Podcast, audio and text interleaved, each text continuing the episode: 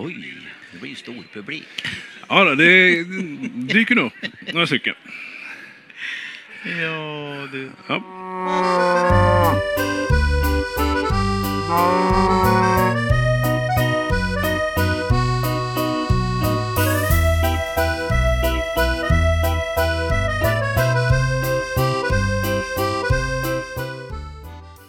Det här är Ostpodden och jag är Johan. Helgen den 14 till 16 februari var det ostfestival på Münchenbryggeriet i Stockholm. Där hade jag den stora förmånen att få köra nio stycken livepoddar med ett helt gäng gäster som var lika varierade som intressanta. Varje sån här poddsession finns på Ostpoddens Facebook-sida. Men de kommer också att komma som vanliga poddavsnitt de närmaste veckorna. En och en. Men för att du inte ska behöva vänta så länge som till slutet av veckan kommer här en liten eh, teaser för vad du har att vänta dig. Så, spetsa öronen. För det här är ett litet, litet axplock av vad som avhandlades på kunskapsscenen på Ostfestivalen. Klockan är kvart över tre. De eh, små dörrarna för branschen har varit öppna i Två timmar. två timmar. Men det är en allmänheten. kvart sedan vi släppte in allmänheten. Precis. Och du känner dig lugn och fin och spenderar en stund med oss här. Ja, det, allting är riggat och roddat. Folk är taggade. Det låter jättebra. Ja. Och det ser väldigt gott ut. En våning ner här också. Vi är Arlas Formel 1-team. Mhm. Det ska inte vara stora volymer. Vi ska göra de, de häftiga sakerna och eh, prova. Och, eh, vår ambition det är, inte, det är inte någon storskalighet, utan vi är jätteglada för de som gillar oss. Och eh, vi har ingen ambition heller att gå ut i, i brett i eh, dagligvaruhandeln, utan vi vill kunna sälja till eh, ja, framförallt restaurationsbranschen och eh, specialbutiken där man kan få den här personliga betjäningen, hjälpen över disken, så man verkligen är 100% säker att man vet vad man tar med sig hem.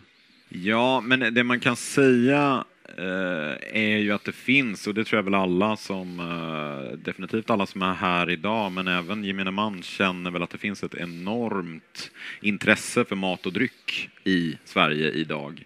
Och det ser vi ju också, inte bara att vi, eh, vi liksom ser på matlagningsprogram på tv eller att den här klassikern att det säljs en eller att det kommer ut en kokbok om dagen i Sverige. Vi är ju liksom kokböckernas förlovade land. Det är så Eh, klassiskt.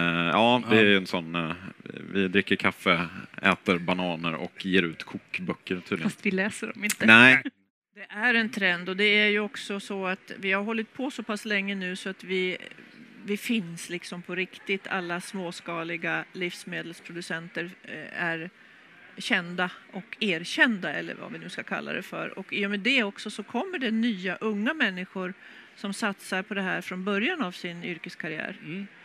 Eh, och- det är väldigt eh, positivt att man har liksom uppnått en, eh, en status av att vara ett riktigt yrke, om du förstår vad jag menar. För det var ju i början kanske inte alla som såg på småskalig livsmedelsproduktion som riktiga yrken, men nu är det så.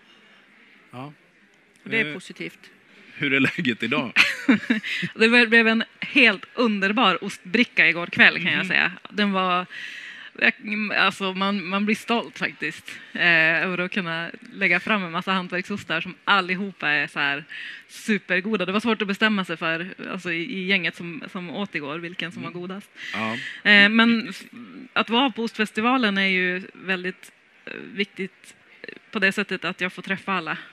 Det är därför jag är här. Det är för att få träffa alla, eh, både hantverksmejerister men också få liksom en, man, man får liksom en inblick i eh, vad som händer nu, vad folk gör. Mm. Sen finns det så mycket inom eh, gårdsmejeribranschen som jag tycker är roligt. Hos oss har vi ju ekologisk odling och djurhållning med mjölkfår. Och jag tycker det är väldigt viktigt att bevara det kulturlandskap som vi faktiskt underhåller.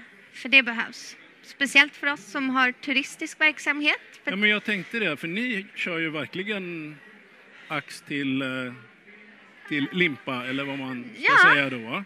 Ja, men det gör vi. Och det, det tycker jag är väldigt roligt. Det ger dels träffar man på alla människor och får liksom ett väldigt, väldigt varierat arbete eh, med jättemycket kunskap som vi just nu håller på att ta in allt vad vi kan.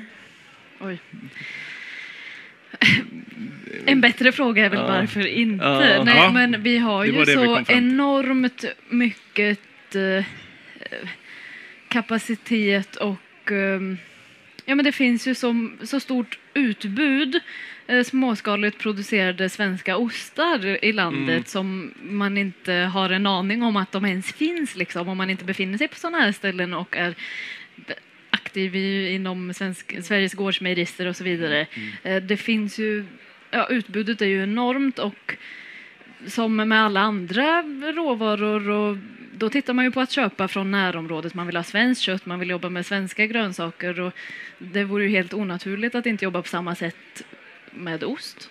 Absolut, och, och även det, det, det, det korta svaret på, på en eh, oändlig fråga. Ja. Nej, men i, idag har vi en idé om, vi som ostproducenter, att vi måste kunna erbjuda så mycket mer än bara en matbit. Alltså det vi ska erbjuda, det är en upplevelse som förhoppningsvis leder till glädje. Vart finns dessa mervärden? Om vi bara går ner och kollar på den lokala förankringen. Alltså, köper man våra ostar, då kan man nästa dag kan man liksom komma ut, kolla, säga hej till oss, kolla hur mår kossorna. Man får en helt annan relation som är den absolut viktigaste kryddan i att göra bra mat. Ja, det är jävligt svårt det. Eh, särskilt som man har hållit på i 50 år så kan det ju vara lite svårt. men, men, eh, så är det. Ja, jag har eh, varit en inbiten getbonde helt enkelt. Det var det som har satt igång mig. Eh, och sen så efter att tvingat till med dessa getter redan som barn så har jag kört med att göra ost sedan jag var 17 år. Molekylärbiolog, biolog, det är till och med det är svårare att säga än ystare. Det tar ett, tag, eh, tar ett år att lära sig säga det. Vad gör man som molekylär... Mor, som som du var innan du började ysta? Du kan säga mikrobiolog också, det är Ah, okej. okej. En svensk klassiker det är ju ostsorterna Herrgård, Präst, Grevé och Svesia. Och att de är svenska klassiker är ju att de alla har sitt ursprung i Sverige av lite varierande ålder. De har också ett eh, gemensamt utseende. Alla svenska klassiker tillverkas som runda ostar, 35 centimeter i diameter. Är det så till och med? Alltså? Mm. Jaha. Och de väger eh, ja, 12,5 kilo ungefär som, som hela ostar. Mm, mm. Ja, det gjorde. Varför? Eller hur kom det? Ja, alltså det finns ju en fabel om en räv och en kråka. Mhm. Och kråkan har fått tag på en bit ost och sitter uppflugen retsamt utom räckhåll för räven. Och räven funderar så här, vad ska jag, hur ska jag få den här osten? Och börjar snacka, mjuka upp kråkan med lite smicker och säga vilken vacker fjäderdräkt du har. Blank och smidig. Och kråkan börjar malla upp sig och sen så pratar de på sig där ett tag och så till slut säger han undrar om din stämma är lika vacker som din fjäderdräkt. Mhm. Och kråkan kraxar och tappar osten rakt ner i rävens skap. Det är en hantverksmässigt producerad stil, stek och grillost. Ja. Så är det. Punkt. Och det är svensk råvara. Det är Mm. jätteviktigt så att man vet när man köper en eldost så vet man att det är svenskt och att det inte är en massa kemikalier i den. Och det finns några mer, eh, eller det är den hantverksmässiga produktionen också som Mm, är precis, som är viktig. eh, Ja. ett krav. Men den kan vara gjord på mjölk, ko, får eller Buffel. buffel. va? Ja, eller en blandning. Ja, Mm. Och den ska gå att ste- steka eller grilla. Ja. Det är liksom också kravet såklart. och det går att få tag på alla, det tillverkas på alla mjölkslag också? va? Ja, det gör det. Och det är 43 producenter som Mm. gör eldost i Sverige och eh, vi är ju 120 gårdsmejerister och det är Mm. fler som börjar komma in i det eldostgänget. Ja, jo men det, jag tycker man ser det väldigt mycket här nere. Mm. Okej. Eh, Jag känner att vi börjar ha svept runt det mesta nu. Mm. Eller ganska mycket ska jag säga. Inte det mesta, sannolikt. Är det något vi ska tillägga? Ja, det tycker jag faktiskt att det man ska göra här på Ostfestivalen, det är verkligen att ta vara på den otroliga givmildhet som utställarna har här. Eh, det är små och stora företag. Det är klart, det är jättestora företag så kanske det inte kostar så hemskt mycket att folk stoppar i sig. Det är mer dyrt naturligtvis för de små tillverkarna. Ja. Men jag ser ju det, de är ju så otroligt duktiga på att bjuda det de har. Och folk äter jädrar nåda. Och de har sin glas, eh, sitt glas med vin med och alltihop. Så det är verkligen en festival. Jag märker ju det. Man umgås och man peppar varann jädrar vet du. Och jävlar vad gott det är. Ja. det betyder ju jättemycket för hela näringen. Ja, och Tor från Skärvångens bymejeri får både första och sista ordet i det här lilla teaseravsnittet av Ostpodden live från Ostfestivalen i Stockholm. Räkna med att kunna höra det första fullängdsavsnittet inom kort. Då blir det Anna Kaiser från LRF och Jimmy Sandell från Livsmedelsföretagen.